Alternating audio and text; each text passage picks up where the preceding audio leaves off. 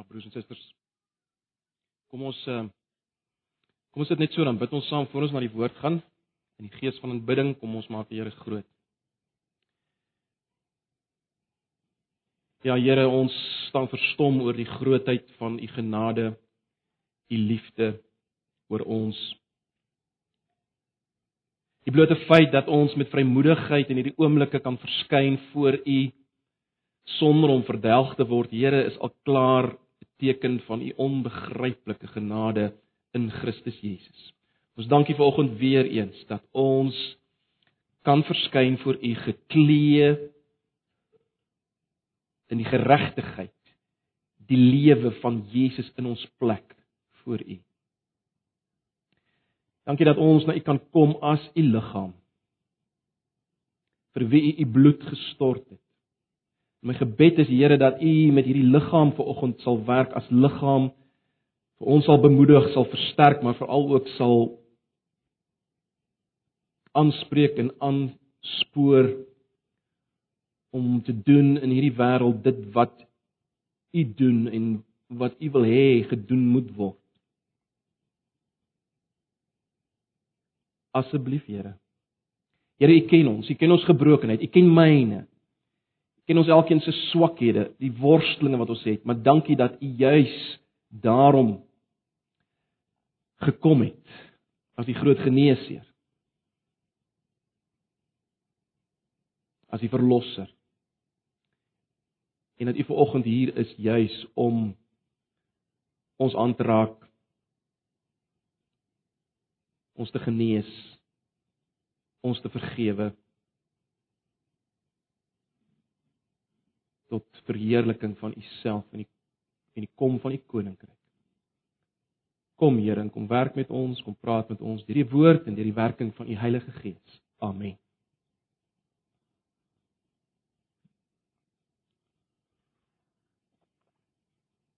Nou broers en susters, um, ons gaan 'n bietjie vir vanoggend afwyk van ons Genesis reeks. Ons sal seker nog so een of twee by een of twee geleenthede besig wees met ons uh, sistematiese reeks van oor Genesis. Volgende uh, wil ek net iets aansny wat ons aangeraak het in ons laaste boodskap oor Genesis. En uh, ek vertrou dat dit by die nagmaalsgeleentheid vir ons wel uh bemoedigend sal wees en sal versterk. Uh en uh, dis waarmee ons volgende gaan besig wees. So hou die Bybels byderhand. Ons gaan nie een enkele gedeelte hanteer nie, ons gaan na 'n paar gedeeltes kyk. Uh Met ander woorde, as jy wil, ons gaan meer tematies spreek vanoggend en nie so seer uh, eksegeties een gedeelte behandel soos gewoonlik ons uh, ons gewoonte is hier by Antipas. Nou, broers en susters, ons het uh, verlede Sondag sal julle onthou eintlik gekyk na waarskynlik die moeilikste vraag in die Christelike lewe en vir elke Christen. Die vraag: Is God verantwoordelik vir die sonde en lyding in my lewe. Anders gestel, ons het gekyk na hierdie hele vraagstuk van die verhouding tussen God en die kwaad, as jy wil. Nou met kwaad bedoel ons sonde, skuld, lyding. So ek gaan maar die term kwaad gebruik as jy weet ons praat van al hierdie dinge. Sonde, skuld en lyding wat daai voortkom. Dis die kwaad in die wêreld. Wat is die verhouding tussen God en hierdie kwaad? Dis die vraag wat ons aangespreek het. Of as jy wil die die hele waarom vraag. Waarom doen God dit of waarom doen God dit nie? Nee.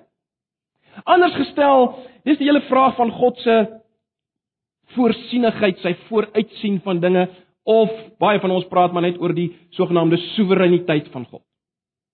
Geweldige onderwerp. En in ons studie van Genesis het ons dit aangesny, hy sal julle weet in Genesis 45 en ek vertrou dat Genesis 45 vers 1 tot 9 het ons tog 'n bietjie hiermee gehelp. Ek lees net weer vir julle vers 5. Uh dit wat Josef sê aan sy broers toe sy broers by hom verskyn het. Voor hom gekom het. Dan sê Josef in vers 5 van Genesis 45: "Wees nou nie bedroef nie en laat daar geen ontstemming by julle wees dat julle my hierheen verkoop het nie, want om lewens te behou het God my voor julle uit gestuur. nou, ons het gesien dat in die lig van hierdie vers moet ons baie versigtig wees om reguit lyne te trek vanaf God na al die kwaad wat in hierdie wêreld gebeur. Al die sonde en al die lyding. Want wat sien ons hier in hierdie vers? Josef se broers het hom verkoop. En ons het vir mekaar gesê die die die rede waarom hulle hom verkoop het, as jy wil, die agtergrond van hulle verkoop van Josef was haat. Sonde. Uit haat het hulle hom verkoop. En die die doelwit van hulle verkoop was om hom verseker leed aan te doen. Josef se broers het hom verkoop. God het Josef gestuur. Dis iets heeltemal anders. Die agtergrond van dit wat God gedoen het, was liefde. Die doelwit waarna God beleef met dit eh, op waarna God beweeg met dit wat hy gedoen het, was om 'n groot volk aan die lewe te hou. Jy sien die twee dinge, dit wat Josef se broers doen en dit wat God se broers doen, was totaal verskillende dinge. Mense kan amper sê teenoorgestelde dinge. Al val dit histories saam. Kyk, histories het dit saamgeval. Dieselfde oomblik gebeur, né? Nee. Maar eintlik in werklikheid is mens mooi daar oor dink is dit totaal verskillende en teenoorgestelde dade, dinge wat gedoen word. Ons het ook vir mekaar gesê verlede Sondag, die fascinerende is dit God se daad, dit wat God doen, kruis nie net dit wat Josef se broers doen nie. Wat God doen, deurkruis ook nie net dit wat Josef se broers doen in die sin dat God dit uitkanselleer nie. Nee, wat God doen, deurkruis die dade van Josef se broers in so mate dat God die minus, die negatiewe van hulle daad deurkruis en hy maak daarvan 'n positiewe sodat die verbondsbeloftes kan bly staan en 'n groot volk aan die lewe kan bly. Verstommend. Ons verstaan dit nie heeltemal nie, né? Nee. Maar broers en susters, ons het vir mekaar gesê, in die lig daarvan kan ons ten minste vir mekaar sê, my lewe en jou lewe en die geskiedenis is nie maar net die afwenteling van 'n vooraf bepaalde plan nie. Maar daar geen vryheid is van ons kant. Nee. Nee, ons staan in 'n verbondsverhouding met God, né? Nee waar ons keuses maak en optree en verantwoordelik is daarvoor. En daarom het ons mekaar selfs gesê dat moreel gesproke in 'n sekere sin, luister mooi wat ek sê, moreel gesproke kan God nie alles doen in hierdie op hierdie aarde. Moreel gesproke sonder om in te gaan teen sy eie wese en teen sy verbondsverhouding waarin hy ons as sy bondgenote as verantwoordelike wesens uitkanselleer nie. want ons staan in 'n verantwoordelike verhouding teenoor. Baie belangrik.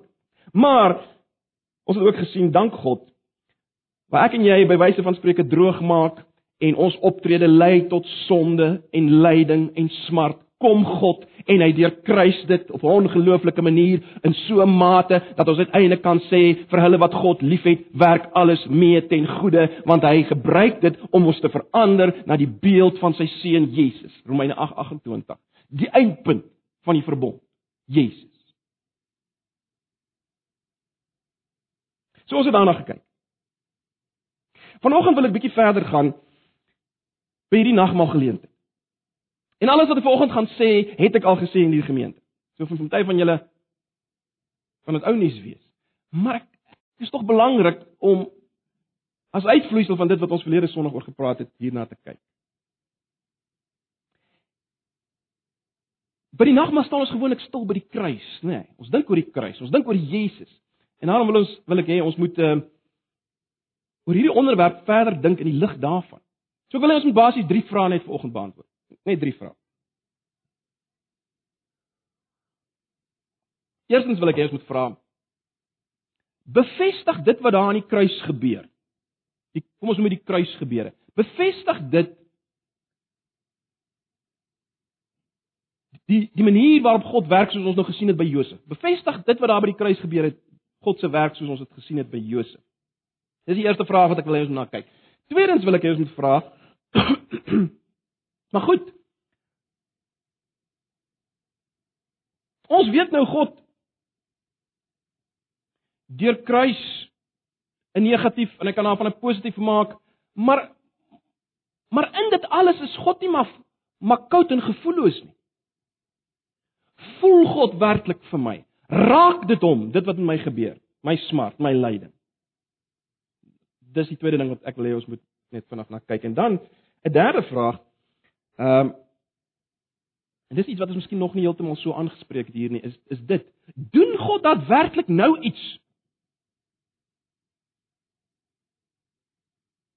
aan die kwaad in die wêreld? Ons weet nou wat kwaad alles insluit. Doen God daadwerklik nou iets daar? Alraai, so dis dis waartoe ons gaan volg.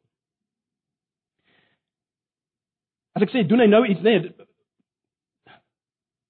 Hoekom lê klem daarop? Want ons weet hy gaan eendag uiteindelik volmaak iets daaraan doen, maar maar ons wonder baie keer doen hy nou iets daar. Maar goed. Kom ons kom ons beantwoord ons vraag. So die eerste vraag is dit wat daar aan die kruis gebeur. Wat wat sê dit vir ons? Bevestig dit vir ons God se manier van werk soos gesien by Josef. Kom ons dink aan die kruis gebeure broers en susters. Uh julle sal weet terwyl uh, die gebeurtenisse ontvou, al die dinge daar gebeur, uh ontmoet ons allerlei mense wat let wel in eie verantwoordelikheid optree. Nie waar nie? Dink net daar, die Jode, Judas, Pontius Pilatus, Herodes. Nêrens is daar sprake dat hierdie ouens gedwing word om dinge te doen nie. Nêrens is daar sprake dat hulle nie absoluut uit eie verantwoordelikheid opgetree het nie. En daarom terloops uh in die in die vroeë gemeentes is die kruisiging in die eerste plek gesien as die werk van mense. En hulle was skuldig daaraan. Uh kyk net byvoorbeeld na Handelinge 3. Handelinge 3.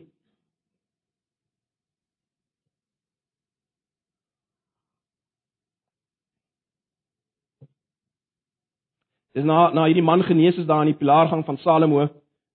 Dan spreek Petrus die Israeliete aan, die Jode daar.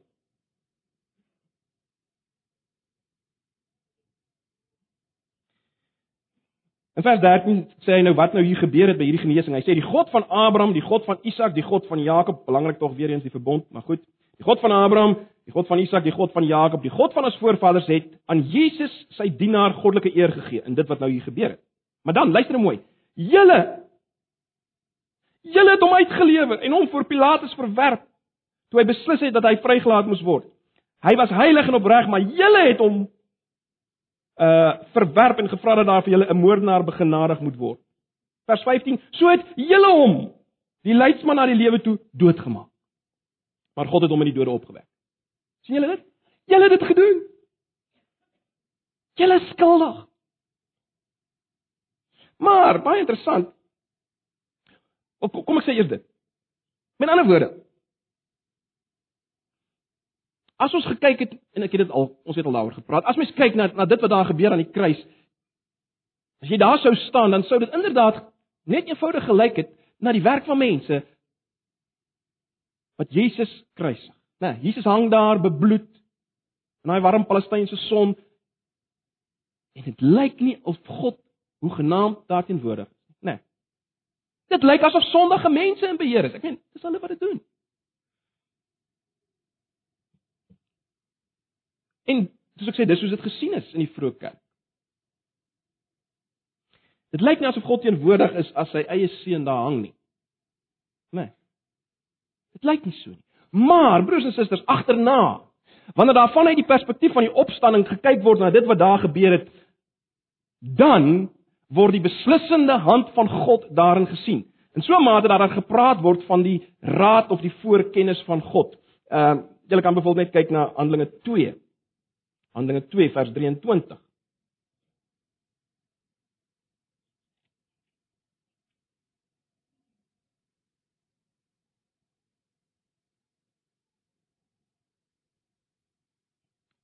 Handelinge 2 vers 23. God het besluit en dit vooruit bepaal om hom aan julle uit te lewer en julle het hom deur heidene aan die kruis laat spyker en hom doodgemaak. Jy sien, hier is nou jy beskryf sprake van God se bepaling. Maar as as mens kyk vanuit die perspektief van die opstanding, né? word gepraat van van God se bepaling, God se hand. Met ander woorde, wat wat sien ons hier? Broers en susters, ons sien dat as mens terugkyk in retrospek as jy wil, as jy dit so wil stel, word God se handeling, dit wat God doen, word in en deur hierdie dade van mense sigbaar. En daarom word dit in verband gebring met God se raad. God se werk in en deur hierdie mense word sigbaar as mens terugkyk vanuit die opstanding en nou word in verband gebring met God se raad. En daarom wat sien ons weer eens? God kom en hy deurkruis die grootste minus van alle tye. As sy seun daar hang dit lyk asof alles in tye stort stort. Kom God en hy deurkruis daai grootste minus van alle tye en maak dit 'n plus. Die grootste plus van alle tye. Die verlossing van die wêreld so ek dink tog ons kan sê dit wat gebeur aan die kruis bevestig vir ons God se manier van werk soos ons dit sien in die Josef verhaal nê nee. soos dit sien in die Josef verhaal En is dit nie wonderlik terloops en ons het al baie daaroor gepraat dat dat ons kan weet God was juis in beheer daartoe dit gelyk het of hy nie in beheer was. Hy was juis in beheer en en aan die werk daar aan die kruis waar dit gelyk het asof hy nie aan die werk is nie. En broers en susters, dit gee vir my en jou ontsaglike bemoediging in ons eie geestelike lewens. Daar waar dit lyk asof God nie aan die werk is in my nie, daar is hy aan die werk. Daar waar alles verkeerd loop. maar nie op reglynige manier. 'n Ongelooflike manier van deurkruising om 'n negatief in 'n positief te verander. Dis hoe God aan die werk is. Maar dit bring ons by ons volgende vraag. Dis 'n belangrike vraag. Voel God saam met my as ek ly? Raak dit hom? En, en dis 'n belangrike vraag broers en susters want as mens werklik deur groot lyding gaan en baie van julle sal dit beter as ek verstaan. As mens deur werklike moeilike tye van lyding gaan, is dit 'n belangrike vraag wat jy vra. Voel hy vir my? Of is hy koud en afsydig? Hy sit daar bo en hy weet nie wat hier aangaan. Belangrike vraag. Nou om hierdie vraag te beantwoord, die vraag voel God vir my raak dit hom? Om hierdie vraag te beantwoord, moet ons vra wel Wie is die God wat op hierdie manier werk waaroor ons nou gepraat het. Wie is die God wat so in beheer is in lyding? Wie is hy? Want as ons weet hy is, wel dan sal ons weet hoe hy teenwoordig is in hierdie dinge. Né? Nee, ons weet wie hy is, ons weet hoe hy werk in hierdie dinge. Hoekom stel ek dit so? As ek sê vir oggend ons moet vra wie God is, dan doen ek dit omdat ek wil hê ons moet vergeet van dit wat dikwels ek glo ons wat hier sit dink al anders. Maar ek wil eers moet vergeet van dit wat dikwels mense en dalk ons idee van God is. Van die God is wat in beheer is. Dan word as ons dink aan God wat in beheer is, dan dink ons aan 'n sekere tipe God. En ek dink nie ek is verkeerd as as ek sê dat ons idee is dikwels niks anders as menslike moontlikhede wat oorgedra word aan God nie. Byvoorbeeld Ons dink aan hoe lyk mag by mense en dan sê ons oké, okay, by God sal dit net in oortreffende trap wees. Of kom ek stel dit maak dit nog makliker. Ek dink aan myself. Hoe sou ek wees as ek in beheer van alles was? En dan dra ek daai gedagte oor op God. Hoe sou ek maak as ek alles kon doen? Ons dra dit oor aan God, op God. Die vraag is broers en susters, kan ons dit doen?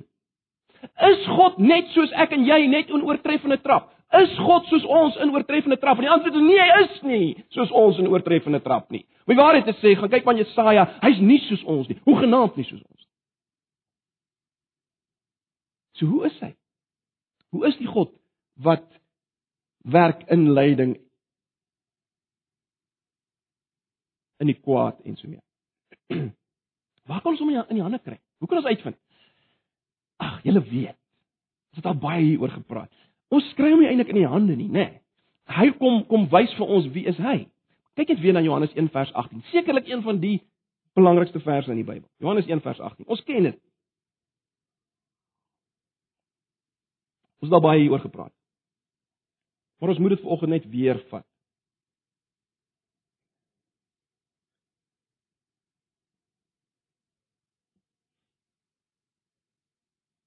Johannes 1 vers 18. Niemand het God ooit gesien nie. Sy enigste seun, self God, wat die naaste aan die Vader is, die het hom bekend gemaak, letterlik hom verklaar, hom kom wys.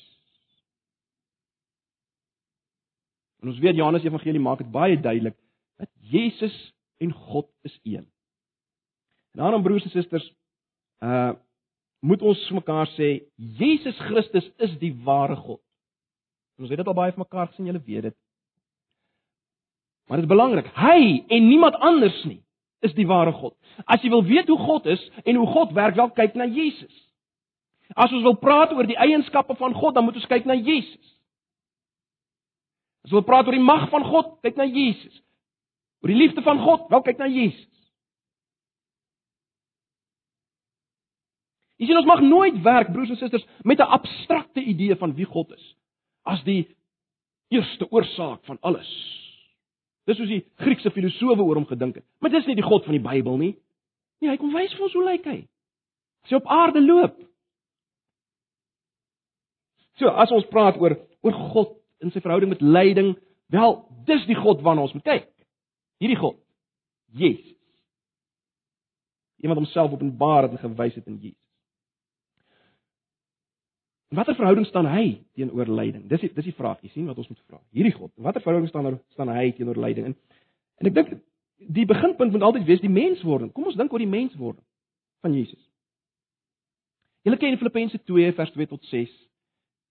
Wat sê dat Jesus het nie aan sy godheid vasgeklem nie, hy het laat hy het prys gegee en aan mens geword, homself ontledig tot uiteindelik aan die kruis.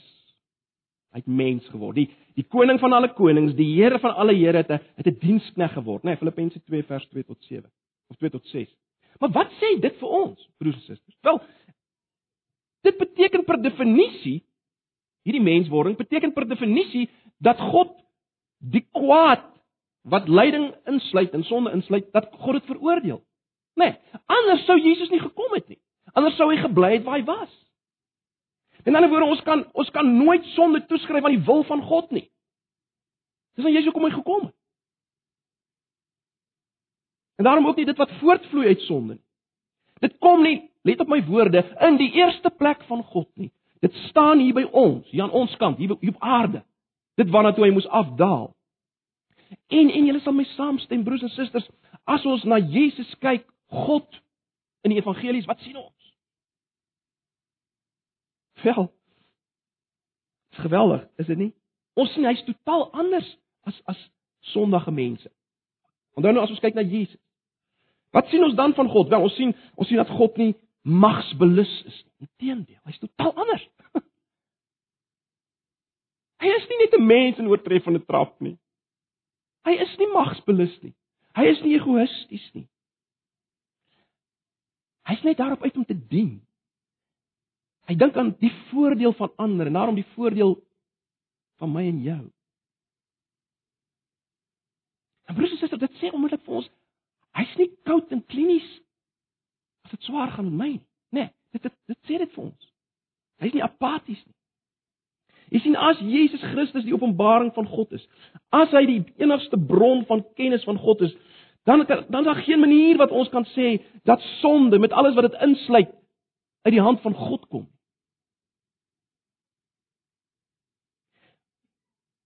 Is dit nie so dat juis deur die koms van Jesus sien ons dat sonde al die kwaad wat dit insluit dat dit is teen God nie. Dis dis wat ons tog sien as hy mens word. Dit is teen hom. As God in Jesus wys wie hy is en wat sy wil is, let op my woorde, as hy kom wys wat sy wil is in Jesus, dan sien ons mense is teen sy wil. Leef nie volgens sy wil nie.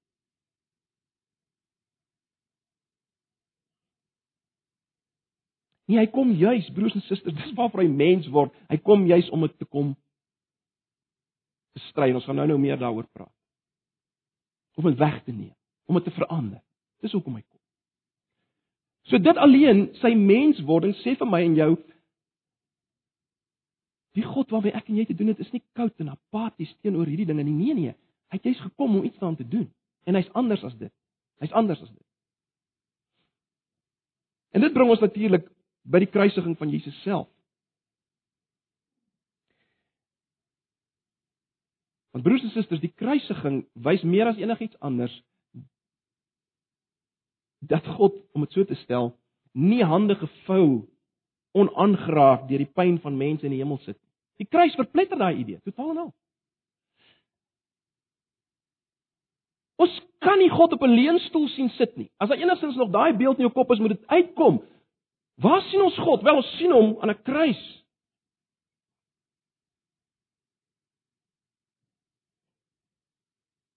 Dis geweldig. Dis geweldig. Dis God. Die seun wat daar lê. En dit vertroos 'n mens, né? Nee. As jy deur kwaai lyding gaan vertroos dit geweldig. Kom ek lees vir julle net weer 'n aanhaling. Ek het al baie gelees, 'n hele paar keer gelees in hierdie gemeente. Kom uit 'n boek van John Stott, uh, The Cross of Christ. Ek is nou nog nie seker of dit Stott self is of iemand anders wat wat wat die wat dit so gestel het nie. Maar luister net weer, ek dink hy vat dit so goed saam. Hy sê in the real world of pain, in the real world of pain, how could one worship a God who is immune to it? En dan sê hy, I have entered many Buddhist temples in different Asian countries and stood respectfully before the statue of the Buddha. His legs crossed, arms folded, eyes closed, the ghost of a smile playing around his mouth, remote look on his face. Detached from the agonies of the world, dis die Boeddha, detached from the agonies of the world. But each time after a while I have to turn away. In my imagination I have turned instead to that lonely, twisted, tortured figure on the cross. Nails through hands and feet, back lacerated, limbs wrenched, brow bleeding from thorn pricks, mouth dry and thirsty, plunged in God forsaken darkness. This is the God for me.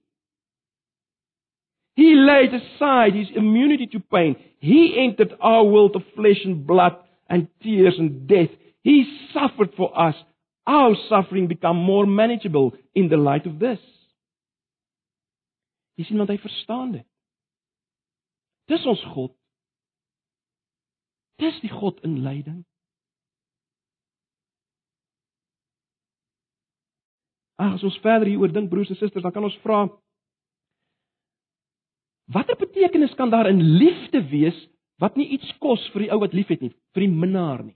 Watter betekenis kan daar in liefde wees wat nie iets kos vir die minnaar nie? Kom ons dink so daaraan. As liefde per definisie die gees van jouself, dan dit mos onvermydelik kwesbaar vir pyn, is dit nie? Want jy stel jouself bloot vir verwerping. Jy stel jouself bloot vir belediging. So wat sê ons mekaar? As God die God van liefde is soos ons bely, dan is hy ook die God wat ly. Anders is hy nie God van liefde nie. Jy sien ons moet wegkom van die idee van God se liefde op 'n ander manier iets anders. As God werklik die God van liefde is, dan is hy die God wat ook kan ly en wat saam met sy mense ly.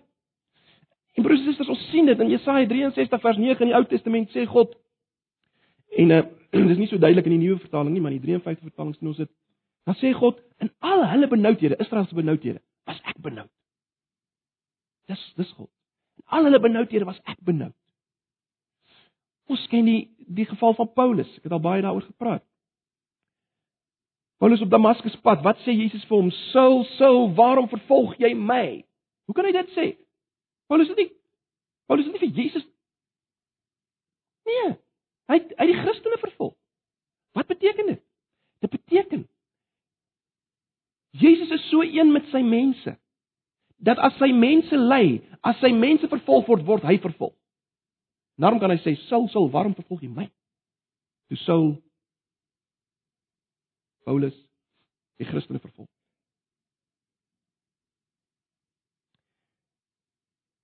En dit hoor ons se troos broers en susters want ek dink tog daai gevoel van God verlatendheid is eintlik baie keer die ergste van lyding. Jy voel Waar is hy? Moet dit vat. Ons moet dit vat. En dan ons laaste punt. Doen God daadwerklik iets aan die kwaad en lyding hier en nou op aarde? In 'n ander woorde Ja, dit gaan eendag goed uitwerk, maar wat van nou? Kom ons bly net vandag na 1 Johannes 3 toe.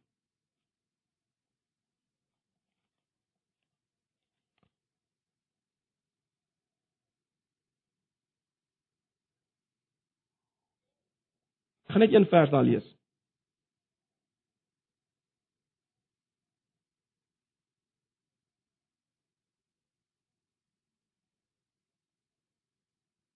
In Johannes 3 vers 7. Liewe kinders, moenie dat iemand julle mislei nie. Wie regverdig lewe, is regverdig soos hy regverdig is. Wie aanhou sonde doen, behoort aan die duiwel, want die duiwel hou van die begin af aan met sondig en dan. En die seun van God het juis gekom om die werk van die duiwel tot nul te maak. Die seun van God het juis gekom om die werk van die duiwel tot nul te maak. Nou, ek wil nie nou ingaan in 1 Johannes 3 eksegeties binne die konteks nie. Ek wil hê julle moet net 'n bietjie dink aan wat sien ons in die evangelies wat dit bevestig wat Johannes hier sê. As mens die evangelies rustig gaan deurlees, dan kan jy nie anders as om tot die konklusie te kom dat wat hierdie ouens, die evangeliste, die ouens wat die evangelies geskryf het, wat hulle vir ons wil wys onder leiding van die Heilige Gees is dit. Hulle wil vir ons wys dat die kwaad in die wêreld op alle vlakke het hierdie kwaad sy toppunt bereik as Jesus aan die kruis hang en dit storm hierdie kwaad storm as te ware af op Jesus aan die kruis. Ek dink nie ou kan daarvan wegkom as jy dit rustig gaan lees in geheel nie. Dink net daaroor polities. Polities het die wêreld sy hoogtepunt van arrogansie eh, bereik in Rome. Die korrupsie in Israel, soos gesien in die Fariseërs, is ongeken, is dit nie? Uh die tempel het 'n rowerspilonk geword in die tyd van Jesus. Gillende demone is oral werksaam daar waar Jesus is. Selfs onder die disippels is daar chaos, né? Nee, op 'n stadium sê Jesus selfs vir Petrus, "Gaan weg agter my Satan." Dan is daar Judas. Na's Thomas. Broers en susters, hierdie afwaartse spiraal as jy wil van kwaad bereik amper tasbaar sy hoogtepunt as as as Judas Jesus verraai, né? Nee, en as Petrus die ou wat die naaste aan hom is, as hy hom verloon, liewe aarde, en en uiteindelik as Kajafas en Pilatus op korrupte manier Jesus kruisig, dan bereik dit alles sy top.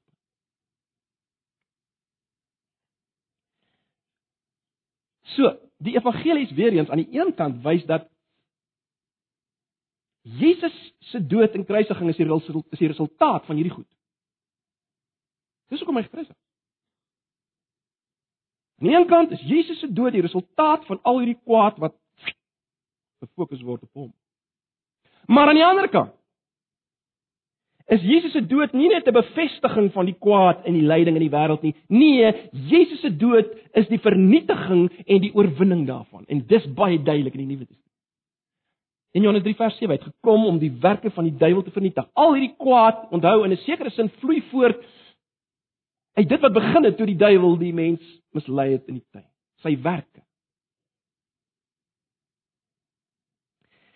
Dis uiters belangrik om dit te sien broers en susters. Die Nuwe Testament wil hê ons moet dit raak sien dat God nie net filosofeer oor lyding in die wêreld nie. Hy doen dat werklik iets daaraan, aan die sonde en die skuld en die lyding en hy oorwin dit deur lyding, dood en opstanding. Dis hoe hy dit oorwin. Snaakse manier. Hy oorwin die kwaad as jy wil met alles wat daaruit voortvloei. Hy oorwin dit deur lydende liefde. Dis wat hy doen. Ag, ons het nie tyd om op alles nou uit te brei nie, maar ons weet dat daar word finaal gehandel met met sonde en skuld en alles wat daaruit voortvloei. Al die sonde van die verlede en die hede en die toekoms word gelaai op Jesus. Satan word uitgeklee en van 'n bespotting gemaak volgens Kolossense 2 vers 15 aan die kruis word daar 'n bespotting van hom gemaak. Hy word oorwin. En die belofte van die Nuwe Testament en veral Openbaring is dat dit wat bereik is in beginsel aan die kruis gaan 'n werklikheid word op die nuwe aarde. Daar gaan geen pyn en smart en lyding meer wees nie. God het dit oorwin aan die kruis. Op 'n paradoksale manier in sy eie lyding. Maar nou, broers en susters, baie belangrik.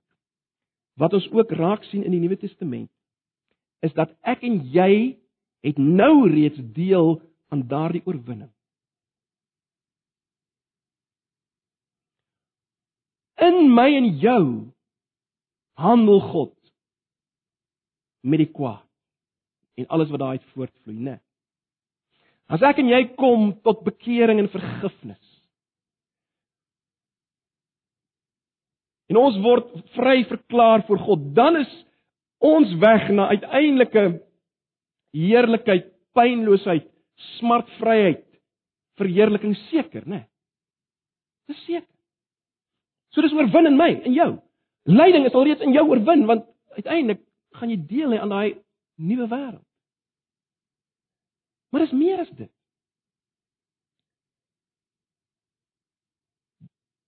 Die gevolge van dit wat hy aan ons doen deur bekering en wedergeboorte en vergifnis is dat ek en jy in ons lewens begin handel met sonde, is dit nie? En met die gevolge daarvan.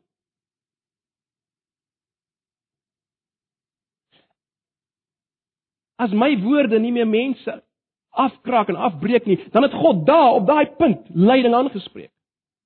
En spreek dit aan nou en verander dit nou deur my en jou. Jou veranderde lewe. Jou optrede wat verander. Jy sien die probleem van kwaad in die wêreld word in ons as individue aangespreek. Dink jy aan Paulus? As Paulus tot bekering kom, het God 'n reuse stuk lyding net daar aangespreek. Hy het eers die Christene vervolg. Nou gee hy sy lewe vir hulle. Ons moet dit raak sien. As dit gebeur as ek en jy vergifnis ontvang, ons vang die Gees. So wat doen ons broers en susters? Ons dra as te ware hierdie oorwinning wat Jesus behaal het in die wêreld in. So wat ons kan sê is dit, Jesus het nie net radikaal met met met die met die, met die kwaad gehandel aan die kruis nie. Hy doen dit steeds deur my en jou. As gees vervuld is. As jy wil, hy doen dit deur sy liggaam. Ons het nou al so baie daaroor gepraat. Ons is sy liggaam. Hoe werk God met die kwaad wat sonde, skuld en lyding insluit? Hoe werk hy daarmee hier en nou? Hoe handel hy daarmee? Wel deur sy liggaam, ek en jy, ons as gemeente, sy kinders. Deur ons liefde, ons lydende liefde spreek hy dit aan. Susters, dis hoe God in die lewe in in die in die wêreld werksaam is en daarom uh moet ons soms dalk vra vir ander. Ons moet dalk nie vra waar's God in hierdie lyding nie. Ons moet dalk vra waar's Antipas hier? Waar's sy liggaam? Onthou, hy hanteer ons nie as stok en blok nie. Ons is nou vir sy verteenwoordigers. Ons is sy liggaam. So as ons vra hoekom doen God niks aan hierdie lyding en hierdie verskriklike lyding nie? Nee nee. Moet ons nie dalk vra hoekom doen ons niks daar? As sy liggaam geesvervul is. Ag, broers en susters, interessant as mens dink net aan aan Jesus se woorde op 'n stadium aan sy disippels. Hy sê vir hulle: "Die onder julle wat wil groot wees, moet eers die minste wees." Jy sien die korrupsie, die lyding, die smart wat kom deur arrogante leiers wat hulle self wil afdruk, kan omgekeer word deur Christene wat ly deur te dien. Net daar. Dis hoe God dit doen. Hy spreek dit aan. So, ag broers en susters, ja, God het die oorwinning behaal, maar hy behaal ook hier en nou die oorwinning oor oor sonde, oor gebrokenheid, oor lyding. Hy hy behaal dit, maar hy behaal dit weer eens op 'n teenstrydige manier deur ons lyding. Ons prys gee van onsself, soos Jesus homself prys gegee. Dis die patroon. Dit kos prys gee van myself om die evangelie iewers te gaan verkondig. Dit kos prys gee van myself om siekes te gaan bystaan.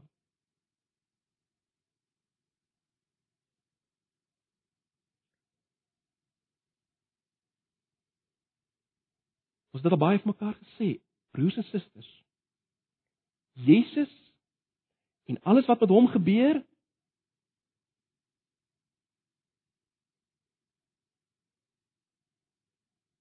dis die dis wanneer dit God op pad is met almal Jesus is die alfa en die omega nê nee. Jesus en, en wat met hom gebeur is die sleutel tot die verstaan van die werklikheid en die verstaan van Christen wees. God skep met Jesus in gedagte sê Kolossense 1:16. Hy skep alles met die oog op hom. En ek en jy as sy kinders stap die pad wat Jesus gestap het. Ons het dieselfde gees in ons wat in Jesus was. Maar daardie gees wat in Jesus was, is die gees wat hom gevat het op 'n pad van lyding. 'n Pad waar hy uiteindelik gehang het en gesê het: "My God, my God, waarom het U my verlaat?" Dis die pad wat ek en jy stap. In 'n minder of meerder mate.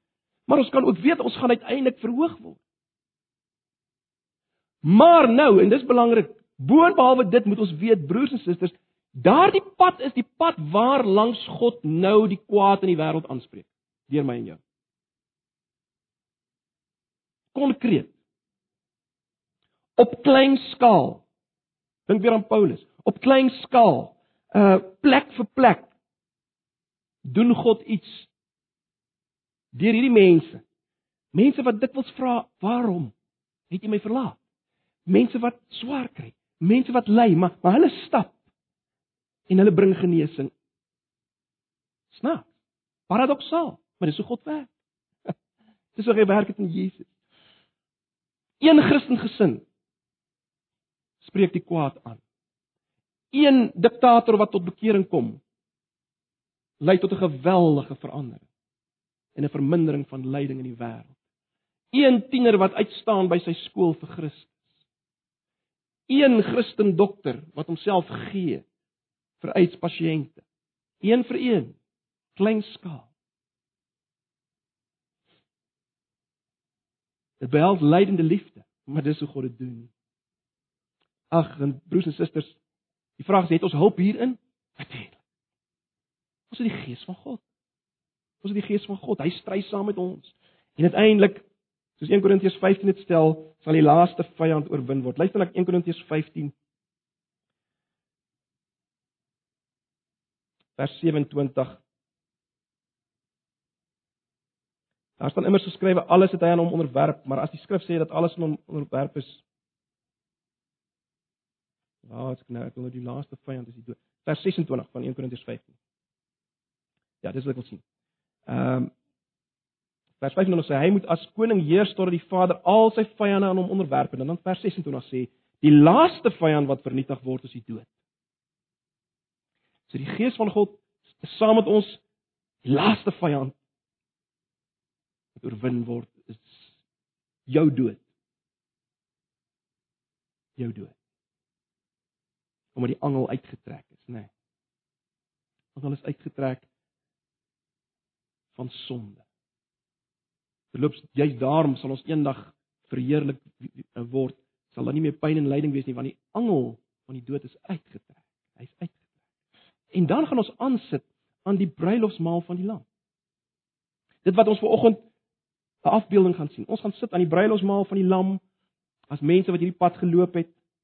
Onthou, as ons Jesus se liggaam is en ons stap sy pad, sal ons verhoog word. Ons sal uiteindelik aansit aan die bruilofsmaal van die Lam, dis verseker. So ek sluit af, broers en susters. Ag. As ons dink oor hierdie hele saak van God se inbeheer wees, die soewereiniteit van God, kom ons Kom ons dink so daaraan. Kom ons vergeet daarvan dat daar dat daar agterop elke ding wat gebeur staan made by God. Kom ons dink daaraan dat God deel in ons lyding. Hy bestry dit. Hy het dit oorwin en hy gaan dit finaal oorwin. En ons het deel daaraan. Ag. Hy verstaan ons, hy's by ons. Los dit al die vrae op? Nee. Los dit al die vrae. Maar dit is nodig om al die vrae op te los, nie ons het nie. Ons moet net kyk na Jesus. Hy is die sleutel tot die verstaan van hierdie dinge broers en susters. As jy wonder, kyk na hom. Kyk na hom. Kyk na hom.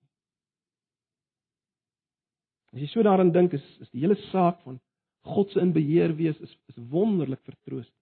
Geweldig vertroostend. Ek sluit af met 'n met 'n uitdaging en 'n oproep.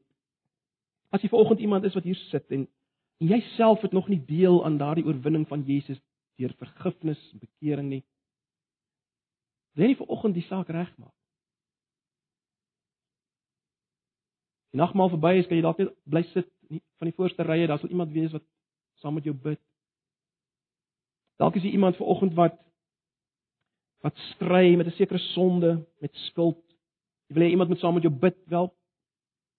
Gebruik die nagmaaltyd om saam met iemand te bid of bly net sit na die tyd hier voor, iemand sal saam met jou kan bid. Dalk is jy iemand wat worstel met een of ander verslawing. Dalk dalk sukkel jy vanoggend met pornografie, die kwaad. God wil hierdie goed bestry deur sy liggaam. Hy wil einde daaraan maak hier en nou. Bly agter dat iemand saam met jou bid. Wat dit ook al mag wees vir oggend. Nooi jou uit. Laat toe. Dat Christus, God, die kwaad bestry, vernietig, oorwin in jou deur jou. Amen. Kom ons bid saam. Here baie dankie vir u woord. Dankie vir u self. Dankie vir die begrip wat u vir ons gee van wie u is en hoe u werk. Ja Here, ons verstaan nie alles nie. Ons ons sal nooit kan nie, maar ten minste kan ons U sien, Here Jesus, en U grootheid en heerlikheid, U liefde. Dit bring vir ons vertroosting. Ons vra dit in Jesus se naam. Amen.